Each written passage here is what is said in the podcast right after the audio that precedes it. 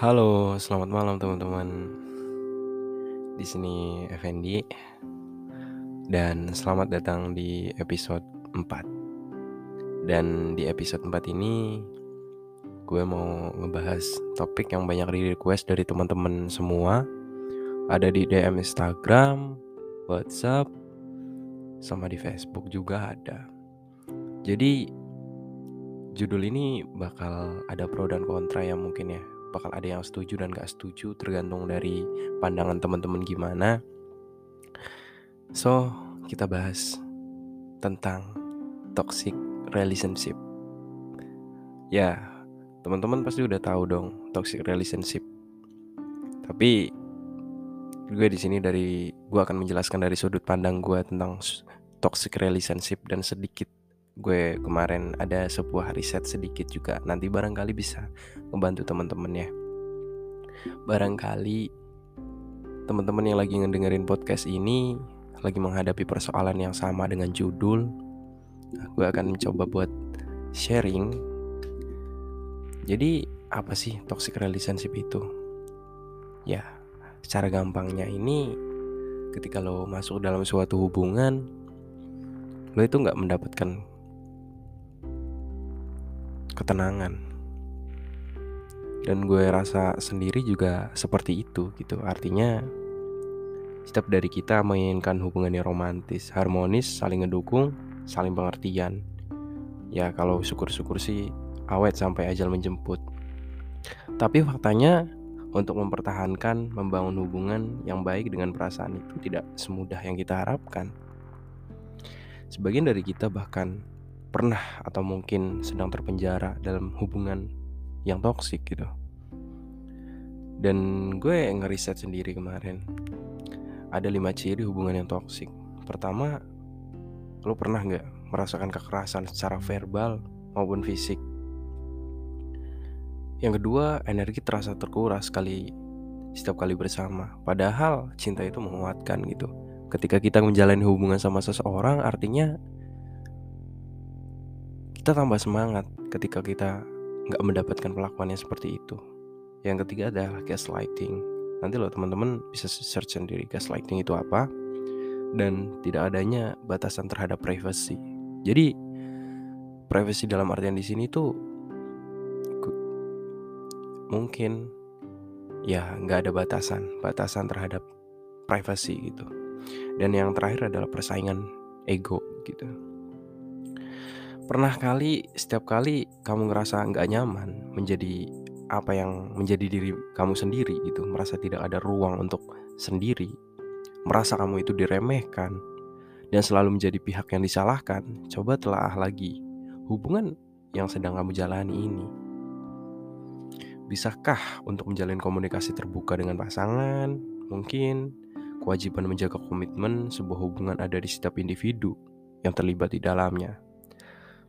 Gue kemarin ngutip dalam sebuah penelitian yang dilakukan selama 12 tahun kepada 10.000 orang, peluang terkena penyakit jantung menjadi lebih tinggi bagi mereka yang memiliki hubungan toksik. Ya, karena gue sendiri pernah ngalami seperti itu, ya lo terkuras energinya. Mau lo benar, mau lo salah, lo tetap aja salah. hubungan yang sehat itu menurut gue itu saling ngedukung. Artinya lo tuh pasangan bisa ngedukung segala situasi kondisi lo gitu. Artinya lo nggak bisa kayak mengekang gitu. Apalagi lo baru yang namanya menjalani hubungan seperti itu gitu. Mendukung menyokong itu yang terpenting dalam suatu hubungan. Artinya lo nggak boleh ngekang seseorang seperti itu gitu. Lo nggak boleh seperti itu. Cinta memberi rasa bahagia dan rasa sakit bahkan di saat yang bersamaan sekalipun. Jadi telitilah memilih pasangan dan bijaklah memperlakukan pasanganmu. Saling menghormati dan jujur. Karena mau apa pun lo harus jujur gitu. Siapa sih di sini yang nggak pengen merasakan cinta yang sempurna gitu. Menurut Robert Steinberg, cinta memiliki tiga unsur utama, yaitu keintiman, intimasi, gairah atau passion, dan komitmen. Dan kita bisa mencapai cinta yang sempurna itu ketika ketika unsur tersebut ada dalam hubungan yang kita jalani gitu. Artinya lo dalam menjalin hubungan ketika lo menemukan hubungan yang toksik seperti itu ini saran dari aku ya. Emang rasanya benar-benar susah tapi lo harus cepet keluar dari zona itu. Ini bukan berarti tentang siapa yang sayang dan gak sayang artinya lo bisa ngelihat tempat lo bukan di situ. Lo akan ber, lo akan percuma ketika lo bertahan di sebuah hubungan yang pasangan lo nggak bisa ngelihat nilai lo lo bakal membuang-buang energi di situ. Lo bakal capek doang yang lo dapetin. Lo pasti berpikir Tapi kan gue sayang Van. Ya gue paham. Tapi lo harus bisa ngebela diri lo sendiri sebelum Lo masuk ke dalam ranah Menyayangi orang lain. Lo harus bisa membela diri lo sendiri. Apakah masa depan lo ditanggung oleh pasanganmu nanti? Enggak kan? Semuanya ditanggung lo sendiri. Jadi kesimpulan dari semuanya adalah pergi. Pergi. Lo harus pergi. Lo harus keluar dari zona itu.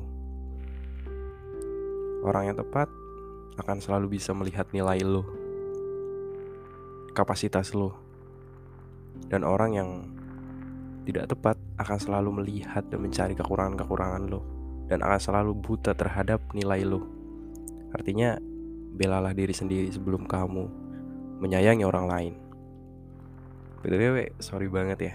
Ini suara gue agak bindeng dikit karena lagi gak enak badan juga. Ini juga gue agak telat upload karena banyak kerjaan yang gak bisa ditinggal. Tapi antusias dari teman-teman itu saya suka banget Saya apresiasi banget gitu. Jadi gitu ya teman-teman ya Barangkali ada kritik saran ataupun komen DM aja di Instagram Mas Strip Effendi Mas underscore Effendi maksudnya.